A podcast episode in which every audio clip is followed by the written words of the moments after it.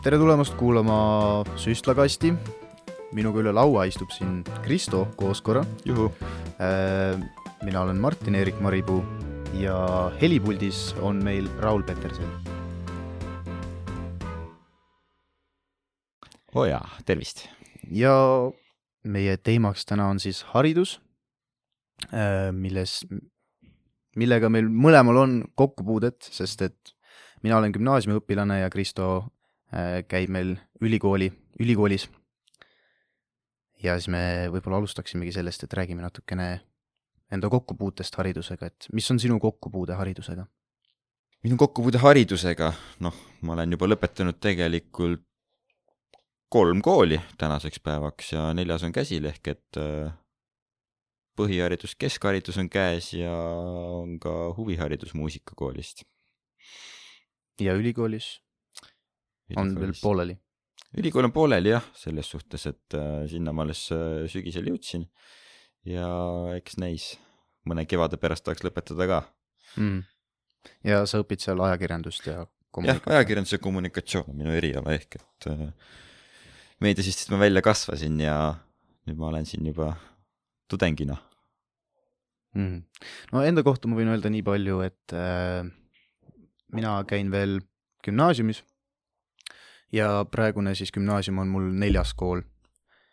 ja noh, ma olen väga rahul oma gümnaasiumi valikuga ja, ja üleüldse gümnaasium tundub selline mõnus aeg elust.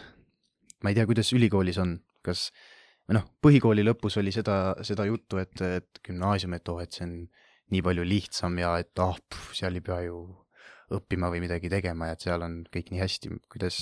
Selles suhtes on, ma ei vaidle vastu, et äh, gümnaasium, ma tahaks ka gümnaasiumisse tagasi praegu päris aus olla sest et äh, praegu on liiga palju asju, mille pärast ma pean muretsema mm. -hmm. ehk et äh, gümnaasiumi läbi, siis sa pead hakkama elama juba. ja järsku elama hakata, see äh, ei ole kõige kergem just. ehk et see, et äh, kuidas ise noh, kõik need söögi hankimised ja, ja, ja, ja. ja noh, see, et ema üles ja see ei ole nagu probleem, aga äh, just see, et äh, ongi, sa pead ise kus nagu mina on ju, ma igapäevaselt elan Põlvas, siis äh, ja kool asub Tartus, siis ma pean äh, käima Tartusse kooli, aga kuna noh, kütusi nad teevad seda, mis nad praegu teevad äh,, bussiga sõitmine, noh, see oleks ka keeruline, sest et äh, need ajad väga ei klapi, siis äh, elan ma praegu ühikas ja seal tuleb kõik noh, arved tuleb maksta, seal äh, söök tuleb ise maksta, hankida, et äh, see kultuurishokk, mis tekkis sellest, et näha, mis asi on täiskasvanu elu, see tuli väga järsku, aga eks see tuleb ära teha mingi hetk kindlasti, aga jah, ma nõustun, et äh, gümnaasiumis oli, oli äge, et seal eriti kui klass on niisugune äge ja sul on oma sõbrad ja ja see kool ise on ka äge, et Põlva gümnaasiumit ma selles mõttes kiidan, et see oli äge kool, mulle meeldis süsteem ja tõsiselt hea oli seal olla ja ma nägin, et praegu pigem läheks sinna tagasi hmm. no mul on üsna sama lugu nagu sul, et tegelikult ma seda iseseisva elu nii-öelda proovimist või õppimist alustasin juba kümnendasse klassi minekuga, sest samamoodi ma läksin Tartusse õppima ja lihtsalt Põlva ja Tartu vahet ilma autota käia, noh, ei ole väga mõeldav ja noh, üsna sama lugu selles mõttes, et, et alates äh, toidust kuni noh, päeva planeerimiseni välja, et see nõuab suurt äh, harjutamist. aga kas sa ei tunne, et oli vara peale põhikooli minna niinimetatud oma elu peale siis? seda, ma olen mõelnud selle peale, aga seda on raske öelda, sellepärast et äh, noh, praegu ma tunnen, et ma olen palju vilunumaks saanud selles, noh, mul on noh, poolteist aastat olnud aega harjutada, on ju. Aga võib-olla alguses ma olin väga saamatu väga paljudes asjades, on ju, et, et noh nüüd, nüüd on nagu harjunud, et okei okay,, toitu teen endale ise ja, ja noh, kõik planeerimine, aga e, ma mäletan seda esimest õhtut peale kooli, kui ma läksin koju ja lihtsalt istusin maha ja olin nagu okei okay,, mis ma nüüd teen, mis, mis nüüd toimub? mul on külmkapp tühi mul on küll raha, aga nüüd ma pean midagi tegema selle rahaga, et kõht täis saada, on ju. et jah. aga ülikooli koha pealt, et ülikool on ju koormuse poole pealt palju kergem või, või kuidas see see oleneb kindlasti gümnaasiumist mm., sest et äh, nagu ma tundsin, kui me võrdleme nüüd gümnaasiumiga mm, et äh, nagu ma ise tundsin gümnaasiumis, siis äh, noh, loomulikult kohati pidi rohkem pingutama, kohati vähem, aga kuna meil see süsteem oli selline, et kodused töid väga ei jäetud, siis nagu selle arvelt oli lihtsam. Ülikoolis äh, noh, seal on sul need erinevad ained, aga need nagu üksteisega ei haaku, et äh, ükski õpetaja teab, millal sul, millal kellelgi seal kuskil mingi kontrolltöö on ja, või eksam ja no algus oli ikka lihtne, et ma sain ikka iga päev seal endale lõunauinakuid lubada, aga mingi aeg, kui hakkasid need, hakkas semester nagu keskpaigani jõudma, siis hakkasid need tähtajad nagu kokku minema kõik seal. Ja siis äh, noh, tunnistan ausalt, ise ei olnud ka harjunud, vahepeal käisin aasta kaitseväes ja see õppimisharjumus, see oli kuskil kam- ammu juba ära läinud. ehk et äh, see uuesti see sisseelamine sinna õppimisse, et see oli päris äh, keeruline algul ja, ja eks seetõttu ka mul hakkasid asjad kuhjuma sinna. võib-olla kui õigel ajal kõik asjad ära teha, alustada kohe, kui sa tead, et sa pead hakkama seda asja tegema, et siis oleks võib-olla lihtsam. aga tahes-tahtmata mingi aeg need äh, kuupäevad hakkavad kokku langema ja siis on küll selline, et äh, noh, vahepeal olin ikka kahe-kolmeni öösel üleval ja, ja hommikul jälle kümnest kooli, et jah, aga kui vaadata nüüd päeva kui sellist, no ülikoolis üks loeng üldjuhul poolteist tundi, mm.. võib ka varieeruda ja no päevas selline kaks, kaks loengut, nagu mul esimene semester oli, loomulikult võib-olla, võivad olla ka pikemad päevad, lühemad päevad, et äh, selles mõttes jah, päeval on rohkem aega ja saad igast oma hobide ja asjadega tegeleda, kui, kui, kui vähegi tahad ja, ja ja vähegi raha veel jagub kõige elamise ja söögi kõrvalt.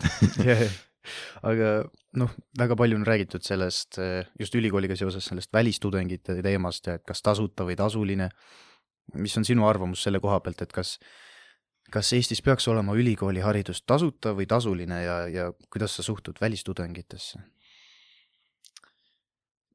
mina pigem pooldan seda tasuta haridust, sest et äh, kui see on nagu madalamal astmel tasuta, siis äh, võiks jätkuda ka kõrgemal astmel ja, ja kui see oleks tasuline, siis ma olen jumal väga kindel, et äh, väga paljud, väga paljud õpilased, kes gümnaasiumist lähevad, need ei läheks ülikooli. sest et äh, noh, olgem ausad, meil on paremini kindlustatud peresid, vähem kindlustatud peresid ja kes on jõukamad, need saavad lubada endale seda haridust, aga kes ei ole, need ju noh, ma ei teagi siis. et eh, kui nüüd mõelda selle peale, et nagu va- vanasti see süsteem oli, et osad ained on tasuta ja osad on tasulised, see annaks ju riigile palju parema võimaluse nii-öelda organiseerida, et kes mida õpib, et kui meil on noh, arstidest puudus siis me saame nagu rohkem arste, on ju tänu sellele, et me suuname seda nii-öelda maksumust siis, et praegu ju riigil seda nii-öelda nööri ei ole, mida tõmmata, et et see muudab meie seda tööturgu ja kõike seda, et mis sa mõtted selles osas on? räägime parem välistudengitest. no räägi no et noh, et välistudengite osas siis, et kas ajakirjandus ja kommunikatsioon on, on ju eestikeelne eriala?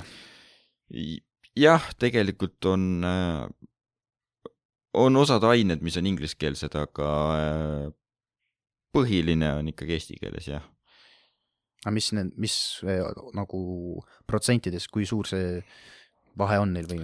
ma jään vastuse võlgu sulle, aga ikkagi noh, ütleks üheksakümmend on eesti keeles, aga meil on ingliskeelseid materjale ehk mm. -hmm. et aga kui mõni välistudeng tuleks, siis äh, temal pigem oleks keeruline selles keskkonnas, et äh, noh, väga paljud materjalid on ikkagi eestikeelsed ja, ja loengud on eestikeelsed ja ja pigem on, pigem on selle, selle eriala õppimine on pigem keeruline jah, no see on vist üsna Eesti-keskne eriala ka selles mõttes, et ilmselt küll jah. aga et ütleme, et on nüüd äh, inimene, kes läheb ülikooli ja ta ei oska inglise keelt, kas ta saaks hakkama? ma tean, et äh, ühikas äh,, see süsteem on meil seal äh, Narva maantee kakskümmend viis ühiselamus selline, et äh, seal on äh, vist omad korterid osadel, aga suur osa on selline, et on üks sihuke suur boks, seal on siis ühine köök, ühine WC ja siis on need äh, kaks tuba eraldi ja toad on kahekohalised. me oleme oma sõbraga seal ja meil äh, kõrval on kaks äh, välistudengit siis. hetkel jäi vastuse võlgu, kust nad pärit on, aga üks siis tuli äkki Ghanast, teist, teine, ta on ka kuskilt sealtkandist. ja ma tean, et nemad õpivad väga usinalt eesti keelt, et äh, ma ei ole küll küsinud, kas neil on nagu eraldi aine võetud selle raames või siis ongi välistudengitele kohe siukene kuskilt aine sees see eesti keel surutud, aga mm. neil päris huvitavaid sõnu seal ehk et nad saavad äh, päris äh, huvitava või päris suure keelekogemuse sealt. seal isegi sõnu, mida ma isegi näinud ei ole mm. aga noh, kui ülikoolis äh, seal niimoodi ringi käia või noh, et sa näed seda elu sealt seestpoolt ka, et kuidas see nii-öelda värvikirevus siis koridoris on, et eh, kui palju on seal eestlasi, kui palju on seal välismaalasi või kas see on üldse probleem kellegi jaoks päriselt või see on lihtsalt üles puhutud probleem? ma jään vastuse võlgu selles suhtes, et minu äh, instituut on, äh, on eraldi pisut, noh, kõik need instituudid on eraldi ja minul äh, seal väga siuksed välistudengeid ei, ei kohta ikkagi naljalt, et aga mina isiklikult selles probleemi ei näe, et äh, miks nad ei võiks siin õppida, et eestlased käivad samamoodi välismaal õppimas mm. ja, ja kui vähegi soovi on ja tahet on seda eriala õppida, mida võib-olla kuskil mujal ei saa või mis meil on äh, väga kõrgel tasemel või parimal tasemel, siis äh, rikastab ainult meie elukeskkonda ju. ja saada tutvusi kuhugi välisriiki niimoodi äh, teiste tudengite kaudu, see tuleb ainult kasuks. ma ei tea, võiks veits gümnaasiumist rääkida. räägime gümnaasiumist natukene jah no räägime gümnaasiumist.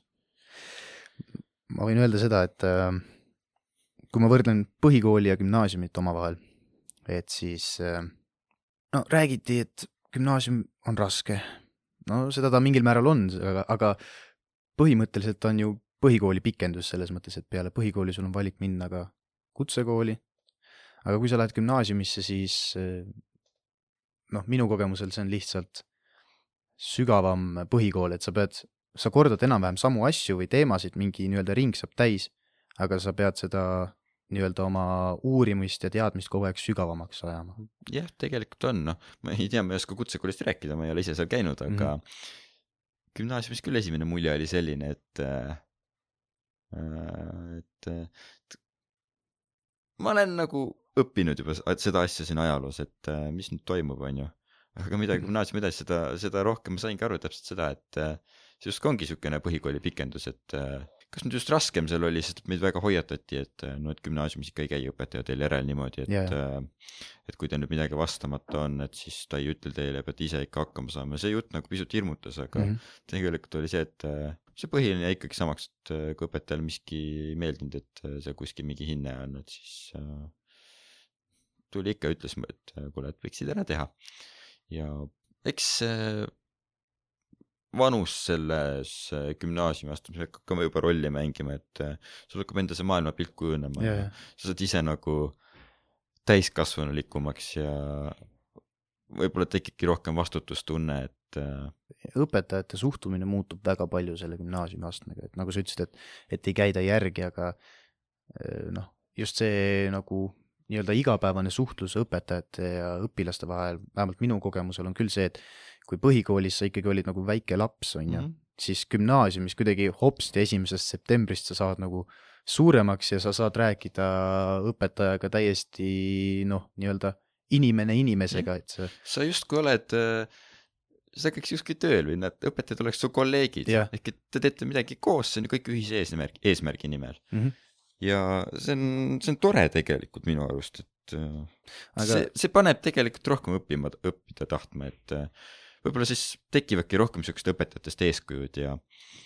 sa saad rohkem sellelt õpetajalt, mitte, mitte selline, et äh, kus sa niigi ei taha koolis käia, et see põhiharidus ja see noh, sihuke teismeiga võib-olla mõnele mõjub raskemalt, mõnele kergemalt ja ja on trots kogu selle kooli vastu, et miks ma pean ja kohustuslik ja ja siis õpetajad on pahad ja ainult kiusavad ja aga see, kui sa saad õpetajaga hästi läbi, see on juba boonus minu silmis, et sa võiks selles aines ka nagu väga hästi hakkama saada.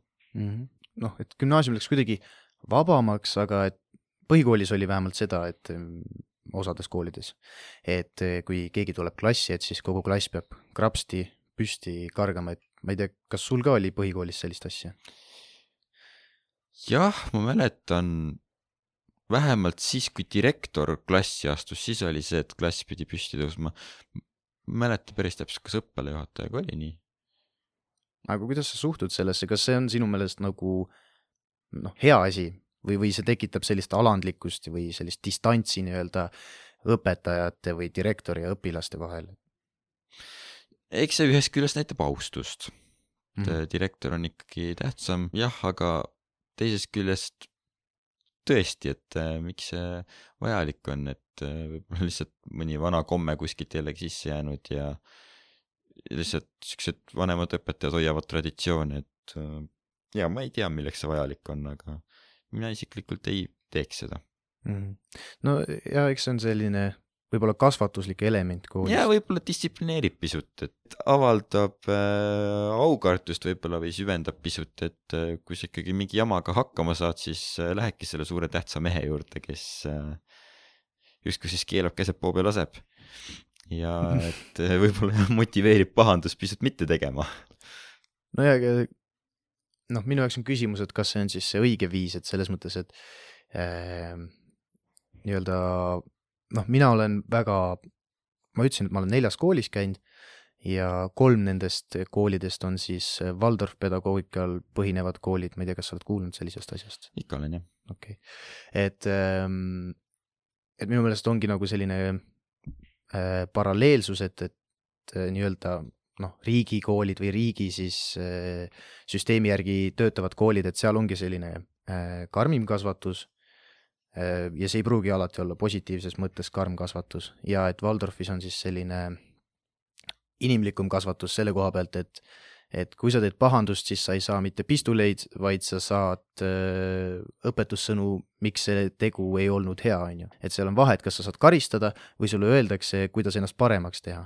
et kui sa saad lihtsalt karistada, siis sa ju ei muutu inimesena paremaks, et minu meelest selle noh, et see direktori klassi tulekul püsti tõusmine on üks osa sellest nii-öelda autoriteedi tekitamisest, mida me tegelikult näeme ju Eesti Kaitseväes on ju ka, et, et selline nii-öelda isiku enda mahasurumine, et kas noh, minu enda arvamus on see, et Eesti koolides toimub sama asi õpilastega, et nende isiksused surutakse mingil määral maha. aga mis sinu arvamus sellest on, kas see võib nii olla või, või noh, sina ei ole, on ju, käinud vist teise pedagoogikaga koolis, et kuidas see tundub inimesele, kes on terve aeg olnud riikliku pedagoogikaga koolis siis? põhikoolis võib-olla tõesti pisut tekkis, tekitati see autoriteet, aga mõnes mõttes on, oli see hea, sest et äh, siis tekkiski austus ikkagi õpetaja, õpetaja kui, kui ameti vastu.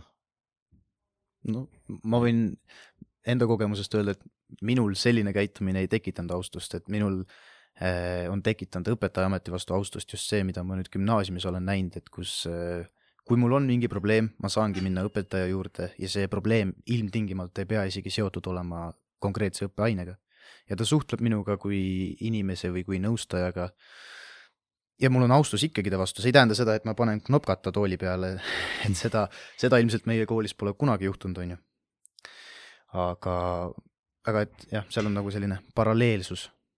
eks siin mängivad ka mit-, mitmed faktorid rolli, et äh, üks asi on, on kindlasti taaskord vanus, et noh, praegu sa oled gümnaasiumis mm, -hmm. et ongi see, et sa oled ise juba targem, julgem kindlasti, et sa julged minna õpetaja juurde rääkima ja, ja ongi just tekkinud see vastastikune austus.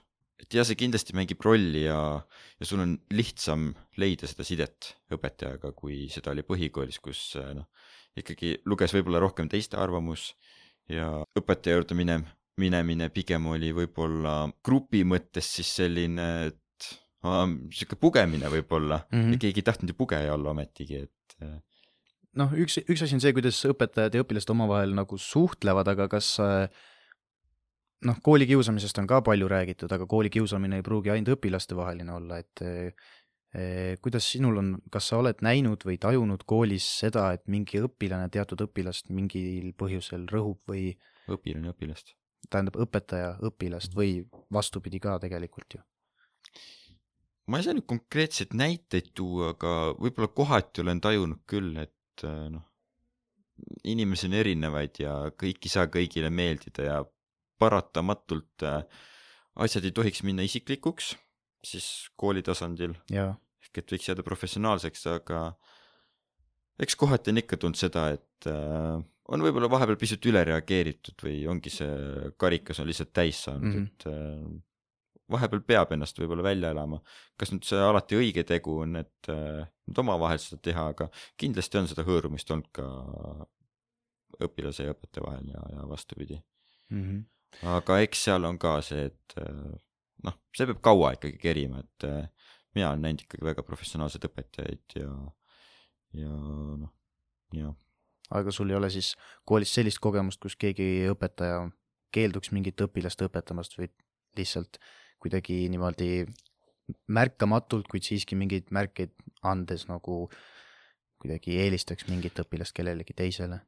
olen näinud just seda, et äh, keeldub õpetamast, et äh, aga seal ongi see, et see õpilane on ise päris palju juba varasemalt korda saatnud Mhm. ja võib-olla seda õpetajat äh, noh, seesmiselt töödelnud, et ma täiesti nagu saan aru, et võib-olla sel hetkel jällegi mõistaks, aga nüüd natukene rohkem aru saades, siis äh, saad aru, et kuidas see asi tegelikult oli ja, Mhm. ja näed seda nagu rohkem kõrvalt.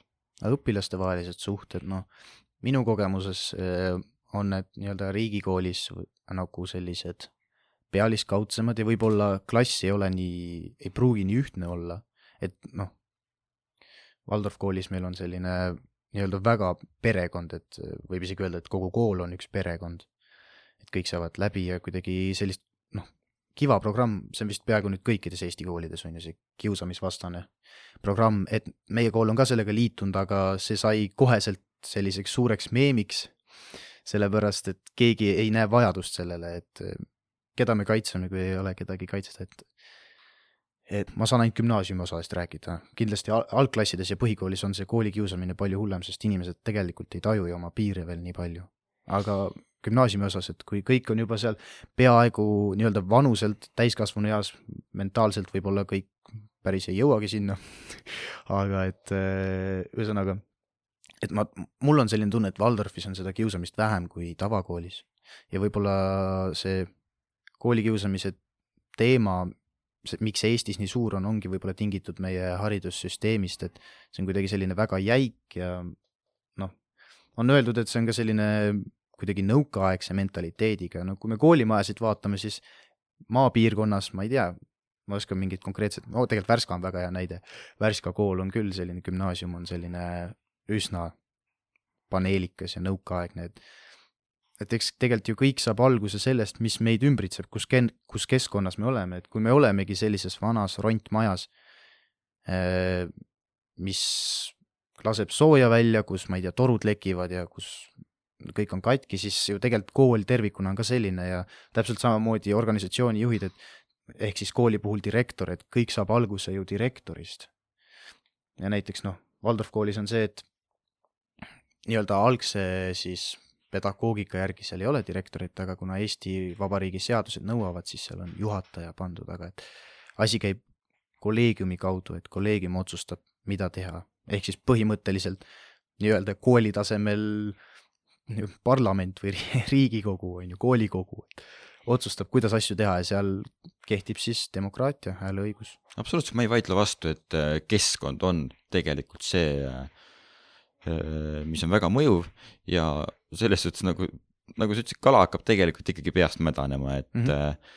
see, milline on direktor, sellised ilmselt on õpetajad mm, -hmm. eriti uue kooli puhul, sest et noh, tema nad sinna suuresti ikkagi valib ja see, millised on õpetajad, see näitab, milline on äh, kord ja kasvatus seal koolis ja kui miski nagu paigast ära on, eks see ainult süvendab seda kiusamise asja teket, aga kahtlemata keskkond mõjub ka väga sellele, sest et äh, tundsin ka seal äh, varasemalt näiteks põhikoolis, see oli niisugune noh, üks osa oli küll remonditud majas, teine osa ei olnud, mm. -hmm. aga kuidagi palju tühjem oli seal käia ja ei olnud seda nagu tahet sinna minna. aga kui meil see uus riigigümnaasium valmis, see oli kuidagi palju hubasem ja kodusem ja, eks seal oli palju äh, rohkem sellist äh, tänapäevalikkust ikkagi sees, sest et noh, jah, kes tahaks paneelmajas käia, Mm -hmm. et või lihtsalt siukses ongi vanaaegses nõu-, noh, nõukaaegses majas, et sellises uhkes päikesepaneelidega majas on ikkagi palju mugavam olla, kus vahepeal saad sa vahetunnist telekat vaadata ja lihtsalt pikuta, et see keskkond andis juurde tohutult ja eks ma arvan, võib-olla pisut see ka, et gümnaasium tõsteti eraldi põhikoolist ja see õpilaste arv kui selline mm -hmm. muutus väiksemaks ja sisuliselt kui mitte nimepidi, siis vähemalt nägupidi kõik tundsid kõiki ja see tõi ka kuidagi kogu selle asja lähedasemaks, ehk et äh, see võib olla ka üks selline põhjus, sest Waldorf koolid ju üldjuhul on ikka väiksemad kui äh, üldhariduskoolid ja. ja seal ongi, kõik on lähedasemad, klassid on juba väiksemad, kõik tunnevad üksteist ja kõik ongi sõbrad, käivad omavahel läbi, tehakse võib-olla rohkem väljasõite ja see kõik ainult ühendab seda klassi ja võib-olla tekibki väiksem tahe kiusata mm. -hmm võib nii täitsa olla aga jah, eks ma ei ole haridusekspert, et ja. see on noh kuidas meie ise tunneme. aga kui me juba haridussüsteemi tõime mängu, mis sa arvad põhikooli eksami ärakaotamisest? kas see kaotati nüüd ära või? see ametlikult vist ei kaotatud veel. no ühesõnaga, see on raske küsimus selles mõttes, et ähm, no siin on palju vastakaid arvamusi olnud. jaa, mina arvan, et äh, sellisel kujul äh, nagu nad ennem olid, ei olnud see õige ja asi ei ole mitte nii-öelda niivõrd nagu eksamis, äh, vaid rohkem selles, äh, milliseks on kool muutunud, et kui me mõtleme, on ju, kooli peale, siis kooli eesmärk ei ole ju õpilast kontrollida, vaid õpetada. aga praegu, kui sa käid koolis, siis sa käid selleks, et lasta ennast kontrollida, mitte selleks, et õppida. ja et kui noh, minu meelest probleem on selles, et kui väiksed lapsed lähevad esimesse klassi, siis nendel on säravad silmad ja tuleb see mingi karu või kukekene siis nad on nagu jee, kukk. ja siis sa vaatad, on ju, kaks pinki ülevalpool istuvad need üheksandikud, kes on samal ajal telefonis, on ju. noh, võib öelda, et nad on üheksa aastat või kaheksa aastat näinud seda, on ju. aga see uudishimu ja õppimistahe kaob ära koolis. kuigi tegelikult see ju just peaks olema koht, mis õpetab meid õppima. et ega sul ei ole ju vaja, noh, kõigil ei ole vaja seda mingit äh, matemaatilist valemit või teada, kuidas mingi molekul millegagi kokku saab, tähtis on see, et sa õpiksid koolis õppima ja kui sul midagi vaja on, siis sa saad selle elu jooksul ära õppida. aga jah, et need eksamid, iseenesest väga hea asi ju sellele, kes tahab teada saada, kuidas meie üldine tase on. et see ju näitab väga hästi, kuhu, keegi jõudnud on, aga seal hinnatakse ainult sinu teadmisi, matemaatikaeksam on ju, põhikooli lõpus matemaatika, eesti keel, äh, vaba valik ja siis ongi kolm eksamit, jah. gümnaasiumi lõpus on neli, jah, põhikooli lõpus on kolm eksamit. et, ähm, et me õpime ju palju rohkem asju kui neid kolme, aga samas, kui neid kõiki küsida, siis noh, see läheks jälle paljuks, on ju, et minu meelest see eksam äh, ärakaotamine, täiesti ärakaotamine ei ole ka õige, sellepärast et noh, meie praegune haridussüsteem on niimoodi üles ehitatud, et sa õpid hinnete pärast. ja kui sul lõpus ei küsita neid hindeid, sa ei pea neid näitama, siis sa ei õpigi. et äh, lahendus minu jaoks oleks see, minu meelest oleks see, kui teht-, tehaks, tehtaks ümber see hariduse andmise viis ja võib-olla siis lõpueksam oleks rohkem selline mitte nii väga konkreetsetele küsimustele põhinev, vaid rohkem sellele, mis, noh, et see sisaldaks sinu vaimset arengut ja sinu eluküpsust ja kõike seda ja muidugi teadmised on ka osa sellest, sest ilma teadmisteta sul ei saa tekkida, on ju, silmaringi.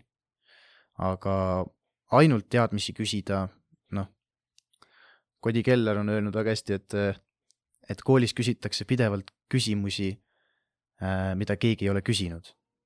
et äh, õpetaja küsib ja küsib ja küsib ja sina muudkui vastad, aga tegelikult peaks olema ju nii, et õpilane küsib ja õpetaja vastab. et siis see oleks mõtlev õppimine. ja noh, selles mõttes, et see ei ole ainult ju põhikoolis nii, see on gümnaasiumis ka nii. lihtsalt sellisel lühemal, aga samas ka laiemal skaalal, on ju. tegelikult on see, et äh, me õpime eksamiteks ja, seda rõhutavad küll läbi lillede, aga siiski äh, ka õpetajad ise ehk et, et eksam on tulekul, eksam on tulekul, õpi nüüd, see tuleb eksamist, see tuleb eksamisse, kui see, kui seda nüüd ei õpi, siis kukud kohe eksami läbi. ehk et igalt poolt kajab läbi see eksam, eksam, eksam, eksam mm. -hmm. aga võib-olla võiks selle hinnete peale õppimise asemel hoopis äh, õppida rohkem selle peale, et mis me saame. sest et ülikoolis korrutatakse ikkagi seda, et äh, me õpime iseendale ja mm. -hmm. tegelikult see on nii. no gümnaasiumis võiks olla teada ju, mis sa tahad teha ja mis sa õppida tahad. ma ei väida seda, et äh, me peaksime nüüd äh, ära kaotama need ained, mis mulle ei meeldi, ehk et, et aa, mulle see keemia ei meeldi, et äh, see võtt, minema. aga kuidagi võiks see suhtumine ja süsteem muutuda, et äh, me õpime ikka iseendale ja eks siin hakkab jällegi palju mängima rolli õpetaja eelkõige, et kuidas ta selle süsteemi üles ehitab ja eks õpetaja lähtub ju seadusest ja, ja süsteemist, et eh, kuidas see asi üles ehitada, et mis on need ette antud eh, kriteeriumid. aga jah, mitte et eh, taaskord hindeid on vaja, nagu sa ütlesid, et mm. -hmm. nii õpetaja kui õpilane ise tahavad midagi tagasi saada, nad tahavad näha oma taset. aga selle tasemeni jõudmiseks saaks ka- kasutada palju erinevaid viise, mis äh, õpilasele meeldiks, ehk et äh, miski selgeks õpetada äh, erinevaid vahendeid kasutades, mitte ainult äh, õpikust lugedes ja töövihikus arvutusi täites, vaid äh, ongi võib-olla tänapäevaseks, tänapäevasemaks muutes, et äh, teha mõni video. no slaidi esitlused on praegu väga levinud. võimalusi on nii palju, et õpilasele see meeldivamaks teha, nii et ta õpiks ise sellest rohkem. ja eksameid ka võib-olla siis vastavalt sellele pisut modifitseerida, et päris mitte ära kaotada, eelkõige gümnaasiumis, aga just see, et äh, me õpikski rohkem iseendale. Mhm. no tegelikult ma tahaks täiendada su öeldud, et sa ütlesid, et, et õpetaja lähtub seadusest, et eh, tegelikult eh, praeguse haridussüsteemi juures õpetajal on üsna vabad käed metoodika osas, mida ta teeb. noh, selles mõttes on mingid kindlad pidepunktid, mida ta peab õpetama, aga et see teerada, et selle ta võib ka ise luua. ei jah, viisid on enda Aga lihtsalt- aga, aga ikkagi on need mingid piirid, et mida mida ta peab õpetama ja mida ta võiks õpetada, aga probleem on ilmselt selles, et lihtsam on käia juba ette tehtud rada, on ju. no, absoluutselt ja võib-olla aitaks siin selline innovatiivne nooremate õpetajate juurde toomine, et eh, kellel ongi siuksed värskemad ideed, et eh, Mm -hmm. kes tõmbaks selle käima, ehk et see võiks olla kuidagi koolides sihuke tasakaalus, et eh, no eks seda proovitakse, aga vaat meil ei ole neid noori õpetajaid kuskilt võtta. jah, ja see on probleem. aga siit võime jällegi otsida võib-olla, et see õpetaja elukutse, see ju pisut kaotab kuidagi autoriteeti ja eks see algabki juba sealt põhikoolist, nagu me enne rääkisime. ja, ja no minu jaoks on õpetajaamet väga autoriteetne ja ma olen ise ka mõelnud, et võib-olla ma tahan minna ajalooõpetajaks, aga no eks seda näeb aga et eh, kui me siin juba testidest rääkisime, siis eh, PISA test eestlaste jaoks viimasel ajal eriti väga südamelähedaseks saanud ja eh, ma nägin Postimehes pealkirja, et eh, Eesti siis hakkab PISA testiga ennast turundama, mida iganes see ka ei tähendaks. et mis on sinu arvamus PISA testidest, kui palju sa üldse tead sellest? no ma tean, et neid tehakse ja ma tean, et Eesti on seal eesrinnas ehk et äh, ma ise teinud ei ole. aga meil vist klassis küll äkki tehti, meie vend tegi. meil ka tehti, aga mina sinna valimisse või valikusse nii-öelda ei sattunud. ja mina ka mitte, aga see vist peaks olema niimoodi, et õpilased valitakse juhuslikult sinna. ma eeldan küll, jah. jah, ma ei ole ka päris sada protsenti kindel, aga taaskord võrdluse mõttes äh, see on ju väga hea võrrelda erinevate riikide vahel äh, meie väikest Eestit ka ja kui me oleme ikkagi sellise väikese riigina seal äh, kuskil äh, kõrgel eesotsas, siis see on ainult tunnustus meie õpilastele ja, ja neid õpetavatele õpeta-, õpetajatele ja ja see näitab, et meie koolid on tõesti tasemel ja meil saab siit hariduse ja see on ka, miks tulevad ju välistudengid siia. siit saab kvaliteetse hariduse. mm. -hmm. No minu jaoks on see, ma suhtun sellesse üsna skeptiliselt, et minu jaoks see, kui keegi ütleb, et noh, et PISA test, et Eesti on seal topis et, või tipus, see on minu jaoks sama hea, kui öeldakse, et Eesti põllumajandus on korras. et minu jaoks kumbki väide ei vasta tõele selles mõttes, et noh, PISA testide osas seal hinnatakse jällegi, on ju, matemaatikat äh,, lugemist ja loodusaineid. ja aga, aga seda õpilaste nii-öelda sellist vaimset tervist või seda heaolu, heaolu, rahulolu, on ju. Need küsitlused on ka, aga noh, et kui enamus õpilasi ütleb, et meil on koolis hästi, on ju, üle-eestiline küsitlus, aga ometigi depressiooni tase ja enesetappude tase või see nii-öelda statistika on kõrgel, et siis kas seal ei või mingi ebakõla olla nende vahel, et jah, see on tegelikult päris hea point, nüüd sa tõid mind kohta, millele, mille üle või sa tõid mind pointini, mille üle õhtul järele mõelda tegelikult enne uinemist, et äh, eks seal on kindlasti saame erinevaid faktoreid võtta ja nagu ennem ka rääkisime just siin, et muutagi seda õppimist äh, õpilase sõbralikumaks või et äh, me õpime iseendale, aga seda iseendale õppimist ju keegi ei kontrolli, et ongi tegelikult see äh, tulemustele õppimine taaskord mm. ja need tulemused on seal näha, et äh, eks see tulemustele õppimine tekitab ka stressi rohkem ja õpetajatele endale on ju väga tähtis, et see tulemus oleks suur, sest siis näevad justkui nemad, et nemad on teinud head tööd. aga õpilane jah, ta ei pruugi ennast tunda nendele tulemustele õppides äh, kõige paremini ja tekib stress ja, ja need, kes rohkem pingutavad, need ju ka teevad rohkem ja tavaliselt neil on ka rohkem võib-olla hobisid ja asju, mis omakorda tekitavad pinget, et äh, seda enam võiks, võikski õppida ju äh, iseendale rohkem. mm. -hmm. seoses PISA testiga selline huvitav asi, mis mulle silma jäi seda lugedes, et vaata Eesti oli seal kõikides nendes kolmes kategoorias viiendal kohal, kusjuures eespool Soomest ja Hiina oli siis, ma ei mäleta, kas kõigil või ühesõnaga Hiina oli seal üks-kaks on ju see positsioon. aga et seal on siis selline kahtlus, et Hiina võltsib neid tulemusi, et seal noh, et kui meil valitakse, on ju juhuslikult need õpilased, et siis nemad väga selgelt valivad, mis Hiina provintsi neid tulemusi nad siis ikkagi avalikustavad lõpuks, et et noh, pole reaalne, et selline riik on ju seal esimesel kohal on, vaadates seda, kui suur lõhestumine nende ühiskonnas on, on ju. muidugi Hiinas, Hiinas toimub kõike, on ju, et, et äh, me ei saa siin midagi imestada, aga Mhm. noh, meie ei näe nende testide taha, nii et me ei tea, kuidas äh, meil ju neid valikuid tegelikult tehakse, et äh, lihtsalt, et võib-olla me oleksime hoopis neljandal kohal, mitte viiendal kohal maailmas. tõsi. aga fakt on see, et me oleme kõrgel kohal ja, jah, ja, ja see, see on tore. Aga tõsi, et äh, see, mis kiirgab nüüd välja õpilastest, see on nagu see ilus pilt, aga see, mis seal õpilaste sees toimub, et äh, Mhm. kui me kuidagi selle ka paika saaks või kui me saaks adekvaatsed tulemused selle kohta, siis äh, võib-olla see on see koht, mis tõstaks meid veel kõrgemale selles testis. nojah, seda see test ju ei hinda, et kui ettevõtlikud või kui kindlad Eesti õpilased endas on. minu meelest üks probleem, mis tänapäeval noortega on, ongi see, et enesekindlust napib. Ja ettevõtlust ka võib-olla, et ei juleta teha mingeid asju.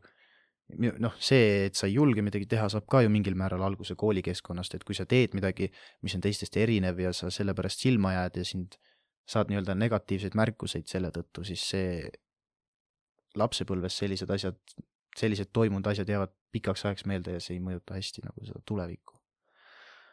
et jah, pika jutu lühike kokkuvõte, et haridusest tegelikult ju see koolikeskkonnast sõltub kõik.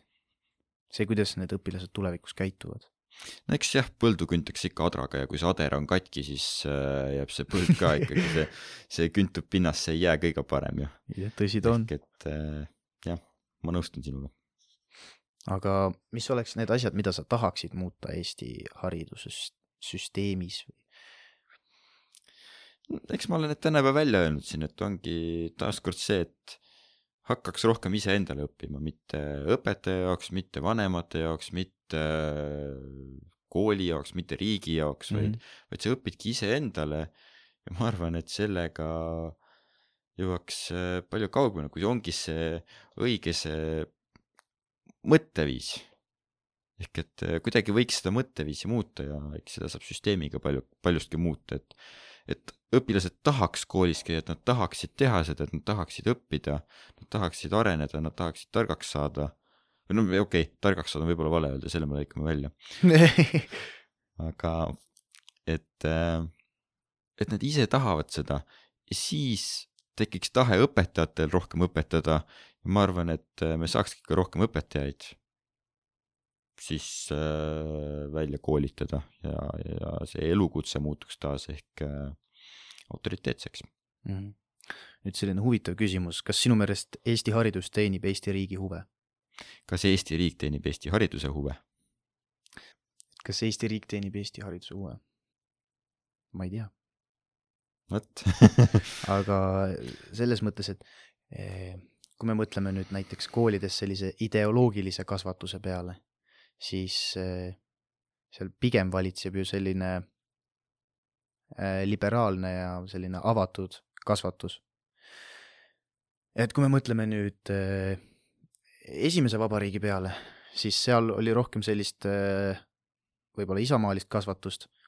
et mis on sinu arvamus sellest, kas Eestis pea, Eesti koolides peaks suurendama sellist äh, isamaalisust, ma ei tea, looduslähedust, kodu hoidmist, et väga palju noortest ju tegelikult tänapäeval, kui sa neil tänaval vastu kõnnid, nad äh, räägivad võib-olla seitsmekümneaastasele inimesele täiesti arusaamatus keeles, et on, neil on mingi släng, aga see ei ole enam eesti keele släng, vaid see on juba mingi ingliskeelne ja no eriti siis, kui nad tulevad tõusiga, siis nad räägivad mingitest rampidest ja asjadest ja vanainimene ei saa midagi aru. eks siin on ka palju siukseid vastandlikke arvamusi ja ja no meil on praegu kõik piirid lahti, internet on vaba mm, sealt voolab lihtsalt nii palju meile peale ju igasugust siis content'i, näed, ma hakkan ise ka juba rääkima. ja ei oska tõlkida sisu. just sisu jah, ehk et seda voolab lihtsalt nii palju meile peale ja, ja me ei saa seda tagasi lükata. mõttetu on ka seda tagasi lükata mm -hmm. ja siin ongi see, et äh, koolides äh, just äh, see korrektse keelekasutuse õpetamine oleks, on ju tegelikult hea viis. Ja võib-olla taaskord kuidagi siduda see kaks, kaks sihukest valdkonda, kust see släng siis kõik tuleb ja siis see korrektne keelekasutus näiteks hakata meeme tegema siis äh, korrektses eesti keeles kirjavahemärkidega et äh, kasutades võib-olla võõrsõnu, et õigekirja veel rohkem natukene õpetada, et äh, eks need kuidagi kõik saab seostada, et ma nüüd ei julge öelda, et keel hakkab välja surema, sest et äh, meie siin räägime praegu puhtas eesti keeles ja kui noh, mõni sõna on selline ingliskeelne, siis äh, mis teha, on külge jäänud lihtsalt.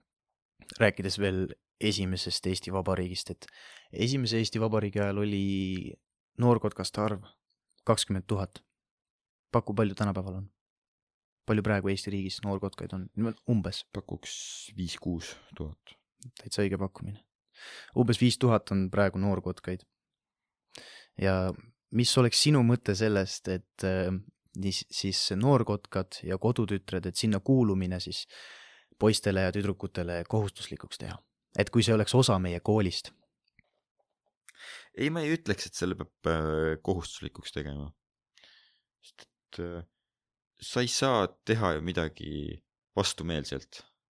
Kas mitte ei süvendaks seda mõtet, et äh, ongi kohe sõda tulemas ja, ja me peame kohe sõtta minema, valmis relva haarama? noorkotkad ei tege-, ei tegele ju sõdimisega ainult, et nad tegelevad. aga justkui see on, see on ikkagi sihuke riigikaitseline vaade juba. ja, ja justkui võib-olla hakatakse jälle rohkem mõtestama neid ja survestama sinna sellele karjäärivalikule, kas sa ei tunne nii? ma, see on, see on täiesti võimalik, aga ma pigem näen seda nii, et see annaks eh, ka nendele noortele, kes elavad, ma ei tea, Tallinnas, eh, annaks võimaluse käia kas või nädalavahetuseti metsas, õppida metsas, mitte millestki tuld tegema, on ju, süüa, lihtsalt see kambavaim, koos olemine, see nii-öelda eestluse kasvatamine, see ei tähenda seda, et et peab seal nii-öelda puh-puh tegema püssiga, on ju mm. -hmm, arusaadav. kohustuslikuks ma ikkagi ei äh,, ei muudaks. aga siin on võimalik kuidagi äh, haakida see erinevate õppeainetega võib-olla ja, ja neid kuidagi rohkem välja viia ja on olemas ju täiesti gümnaasiumis äh, riigikaitsetund. on, läbisin mina samuti ja meil oli ka valikkursusena veel riigikaitselaager ja mm -hmm. käisin ka seal ära, et võib-olla mingit sellist tüüpi asju teha, et see oleks täiesti okei okay. mm. -hmm. ja võib-olla tookski just lähemale ja näiteks, milline maailm see on. Aga kohustuslikuks, mina arvan, et see tekitaks pigem taaskord trotsi ja mm, -hmm. ja vastumeelsust selle kõige vastu Mhm. aga kas sulle tundub, et Eesti noored on loodusest kaugenenud? no eks linnastumine on teemaks juba päris pikalt ja, jah, ma ei saa oma sõprusringkonna kohta seda öelda, sest et äh, mul on ikkagi sõpru, kes on äh, valmis kohe metsa tulema ja no kas nüüd just seal on, äh, tuld tegema et äh, aga aga jah, meile meeldib väljas käia niimoodi, aga aga kindlasti ongi see, nagu sa mainisid, Tallinn näiteks, et mm. -hmm. seal mõni, mõni võib-olla ei olegi näinud metsa niimoodi lähemalt või, või ööbinud seal, et äh, Mhm. eks see mingil määral ikkagi probleem on jah. aga kuidas, kuidas saaks kool seda siis või kas see on üldse kooli roll, hariduse eks see roll? hakkab juba vanematest ka pihta, et kool saab aidata, kool saab teha rohkem väljasõite või, või viia neid välja. noh, eks kõik algab ju kodust tegelikult ja kui kodus ei taheta, siis ega laps ka väga võib-olla, kui ta ei ole huvi, ei tunne just selle valdkonna vastu, ega ta siis ise ka väga võib-olla sinna välja ei lähe. Mhm. aga kui rääkida nüüd ajaloo õppimisest, siis mi- mis sinu suhe ajalooga oli koolis? ma õppisin seda viiele. aga minule meeldis ajaloost rohkem see osa, mis, mida rohkem käega katsutavamaks see Mhm. ajalugu läks, seda huvitavam see oli, sest et noh, millal iganes need sumerid elasid, aga ega väga aru ei saanud, mis nad tegid ja kes nad olid ja ja tegelikult see ettekujutus puudus. aga kui me jõudsime siia näiteks üheksateistkümnendasse sajandisse, siis hakkas nagu see ettekujutus juba tekkima asjadest rohkem, sest et äh, on rohkem pildimaterjali, mingi aeg hakkas rohkem olema videomaterjali võib-olla ja sest ajast teatakse rohkem, võib-olla rohkem kirja pandud. ja ongi see, et see on äh, võrreldes viie tuhande aasta tagusega ikkagi palju tänapäevasem ja mulle meeldis see osa oluliselt rohkem. mm.. mingil määral on ka teatud lõhe ju meist vanema põlvkonna vahel, kes siis äh, õppisid nõukogude ajal põhikoolis või gümnaasiumis, keskkoolis siis.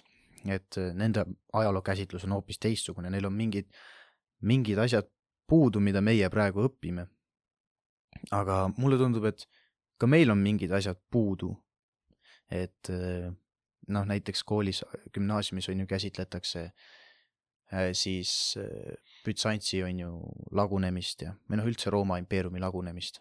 ja siis, et kuidas Vatikan on ju võimu sai ja kõike seda, aga et samal ajal toimuvat, mis samal ajal Eestis toimus või, või sellist tervet Eestimaa lugu ei läbita ajaloos ühtselt, et see käib niimoodi pistetena mm. -hmm. aga et sellest ei saa ju tekkida mingit tervikpilti õpilasele, kes võib-olla ajaloost nii väga ei huvitu, et jah, kui ma loen juurde, siis ma saan teada, aga nagu jah, sest mind huvitaks ka see, et miks ma olen siin. jah, et, et võib-olla minnagi selle ajalooõpetusega rohkem juure tasandile nagu, et, et eestlane saakski aru, kust ta tuleb, kes ta Jah. on, on ju. et äh, võib-olla tõesti seda, mis praegu õpetatakse selle viie tuhande aasta tagusest ajast, et äh, võib-olla seda siis äh, sihuke peamine ära rääkida, mitte nii süvitsi minna ja ongi mm Mhm. -hmm. just see, et see meie kujunemise loole. et Mhm. noh, kindlasti hea on teada ja vajalik teada, kuida-, mis toimus ajaloos, on ju, et äh, kõik need sõjad suuremad mm Mhm. -hmm. ja aga see on ka jällegi lugu kindlasti, miks, miks meie oleme sellised, kes me praegu oleme, miks mm Mhm. -hmm. me oleme siin ja et jah, nõustun, nõustud. nõustun. aga ma ei tea, kui palju sinul gümnaasiumis käsitleti nagu sellist äh, Eesti ajalugu just sellist vane, vanemas perspektiivis või, või kui palju sa tead? oleneb, kui vana me nüüd võtame. no mõtle, mõtleme täiesti algusesse välja. nii kaugele, kui meist üldse teada on, et eks ta tuli samamoodi kuidagi pistetena mm -hmm. ja väga palju sellest algusajast ei mäleta, et noh. Eestil on selline kurb lugu ka ju, et kord valitses üks, kord valitses teine ja raske on rääkida Eestist, et mm. no rahvast. jah, eks need kannatused on meid sinna läbi aegade viinud, aga oligi tegelikult Eestist hakati rääkima rohkem siis, kui äh, sihuke üheksateistkümnenda sajandi keskpaigast äkki mm. või, Mhm. või sealtkandist, et kui hakkaski eestlane, eestlane tundma ennast natukene rohkem eestlasena Mm -hmm. Ja hakkas mõtlema selle peale, et aga mis, et võib-olla siis küll oli mõeldud, aga siis oli juba siukene tervik tekkimas tegelikult selle aastakümnete jooksul. Mm -hmm. et see on siis see nii-öelda esimene konkreetsem koht, kus koolides või koolis on tulnud siis see eestluse teema. jah, ütleks küll siis, kui esimene laulupidu oli, mm. -hmm. et see oli tegelikult see, mis, nojah Mis,, lihtsalt enne äh,, enne seda me ei nimetanud ennast eestlasteks, on ju. jah, et enne seda on, ei tea ka väga palju mm. -hmm. ongi see, et üks, üks kultuur, teine kultuur ja siis oli raske leida seda eestlast kahe vahelt. raske oli jääda ellu. mm. -hmm. aga mis on sinu arvamus sellest, et vaata, koolis on meil päris palju õppeaineid äh, või noh, palju, mõned õppeained, mis, kuhu tundi minnes eraldatakse poisid ja tüdrukud üksteisest ära. et äh, on siis, on ju, keka, tööõpetus, kokandus siis vist tüdrukutel on ju, või käsitöö või mis neil on, oleneb koolist, aga ilmselt vist on mõlemad äkki okei okay,, jah. ja et noh, minu meelest see ei ole kõige õigem suhtumisviis selles mõttes, et miks me eraldame, eriti kehalise kasvatuse tunnis, miks me eraldame poisid ja tüdrukud ära, et noh, mis see, mis see mõte selle taga on või kas see peaks ikka nii olema? ei tea, eks see on ka aegadest aegadesse niimoodi olnud. Ilmselt liigume selles suunas, et seda vähendada, sest mm. et eh, ka mina, meil oli siis, kui veel veerandid olid koolis, põhikoolis, siis meil tehti niimoodi, et eh, terve veerand oli, et eh, poisid olid siis tüdrukute tööõpetuses ja tüdrukud olid siis poiste omas, et saime ka seal paar tundi õmmelda ja natukene süüa teha ja nemad siis said seal natukene puutööd võib-olla midagi teha. ja aga ma mõtlen seda, et poisid ja tüdrukud nagu ühte gruppi panna, et klass jääks ja ma kokku. tahtsin selleni jõuda, et okay. Ma arvan, et see oleks päris hea mõte. sest see ju tegelikult tekitab ka seda ühtsust juurde jah, et see oleks võib-olla tõesti suund, kuhu suunas liikuda, sest et seda vahet ju tegelikult üritatakse ka suuremas pildis vähendada ja kui seda alustadagi lasteaedades ma tean, et on äh, osades vähemalt ära kaotatud see värviteema, et et poisid on sinised ja tüdrukud roosad, et äh, kõik värvid on tegelikult ju kõikidele jah ja kui lasteaias see peale hakkab, miks mitte siis koolis jätkata seda. mm. -hmm. See on päris hea mõte. aga räägiks veel valikainetest. et äh, minul on vähemalt nii, et põhikoolis ei olnud valikainetest mitte mingit juttu. et see valikained tulid alles gümnaasiumis ja seal ka teisest aastast põhikoolis vist ongi väga meetmed pisut karmimad, et mm. mis, mis peab õppima, mis mitte, minul tulid ka gümnaasiumist. ma alustasin äh, Põlva ühisgümnaasiumis, seal see tase või see valikainete hulk tegelikult oli palju väiksem kui uues Põlva gümnaasiumis. ja seetõttu võib-olla ma tundsingi ennast seal juba Põlva gümnaasiumis paremini, sest mul oli valikuvõimalus suurem ja seal oligi tõesti väga eriilmelisi valikaineid, oli enda koolis, oli teistes koolides see ka jällegi, kui sa lähedki teise kooli, ma isiklikult küll ei käinud, aga Mm. aga mõte ju selline, kui et äh, lähedki teise kooli, sul tekivad jälle uued sõbrad, uued tuttavad ja eriti kui sa sinna üksi lähed ja seal ongi mingi väga äge punt, kes võtab su kohe omaks ja võib-olla hakkadki iga suvi, iga talv nendega nagu kokku saama ja see on Mm. mm. ju jällegi rikastab tegelikult, et see mõtled küll, et sihuke väike asi nagu valikaine, aga vaata, kui palju tegelikult võib anda sõbrad kogu eluks ja see valikuvõimalus, see on jällegi see, et äh, me saame õppida seda, mis me tahame jah, ja me õpime iseendale. et Mhm. kui ma saangi valida selle, noh, näiteks mina valisin äh, ühe valikainena üks aasta Ameerika muusika, tuhande üheksasaja viiekümnendatest alates kõik Ameerika muusikud, kes on olnud ja, ja sellise, rääkisime neist, iga tund oli uus muusik ja mulle tegelikult tõsiselt meeldis see ja see aine lõppes sellega, et äh, igaüks pidi valima veel ühe, ühe muusiku. see võib-olla ei olnud ainult isegi Ameerika, vaid oli üldse selline lääne muusika Mhm. ja pidime lõpuks valima siis igaüks ühe artisti või bändi ja siis tema kohta slaidi esitluse tegema ja, ja, ja ma tegin äh, Bonnie Tylerist ja tegelikult õppisin selle esitluse tegemise käigus ka väga palju temast ja, Mhm. ja see oli üks väga äge ja väga äge aine ja noh, kui mul seda ei oleks, ma oleks palju vaesem jällegi. Mm. no ja nagu ma ütlesin, meil tulid valikained üheteistkümnendast klassist, sest no meie kooli jaoks üldse oli see uus asi ja nad katsetavad seda ja meie olime nii-öelda need esimesed katsejänesed siis. ja meil oli siis seitse kursust, mida me peame valima, on ju. noh, kaks sai sellest ära tehtud, see oli riigikaitse, mis mulle nagu ka kohutavalt meeldis. aga üks selline hea näide valikkursusest või valikainest äh, minu jaoks on fotograafia, mille ma valisin, et äh, enne seda ma ei tegelenud fotograafiaga, ma olin, ma ei tea, telefoniga teinud pilte ja kaameraga ka kunagi, aga ma ei osanud kaameraga midagi teha. Aga siis selle kolme-nelja kuuga sa saad kaamera nagu niimoodi selgeks, et sa ei karda seda enam, sa võid iga nurga alt neid pilte teha ja tegelikult see noh, see oli asi, millest ma tundsin ennem puudust ja kui ma oleks nii-öelda ilma valikaineteta koolis käinud, ma ei oleks saanud seda võimalust õppida ja ma ei tea, millal kunagi tulevikus ma oleks selle asja ette võtnud, et oh, nüüd ma õpin kaamera selgeks, on ju, aga see on, see on nii mõnus, kui keegi õpetab sulle asja, mis sind huvitab. Ja tegelikult mulle tundub, et vähemalt mul on seda väga vähe nagu koolis, et keegi õpetab mulle asja, mis mind huvitab, on ju, et ma võin seal matas või kuskil vene keeles käia, on ju, aga noh, ega mind kumbki asi väga sügavalt ei huvita, on ju. ja tegelikult on üldjuhul niimoodi, et äh, need äh, valikained, mis on välja pakutud, need on õpetajate enda pakutud mm, -hmm. ehk et nad ise tahavad seda õpetada, nad tahavad ise sellest õppida, neil silmad säravad ja see, taaskord see koostöö, see hakkab nii hästi sujuma üldjuhul, et. ja see ongi see, et mõle-, mõlemad pooled tunnevad, et oh, see on asi, mida ma tahan teha. jah, ja õpitakse üksteiselt ja mm -hmm. see on äge. ja nii võiks olla mm. -hmm. kuule, aga selle positiivse noodiga, ma arvan, on väga hea. Lähme koju, jah. Lähme koju ära ja. koju ja homme jälle kooli. homme kooli, jah vot, aga täna meid kuulasite ja peatse kohtumiseni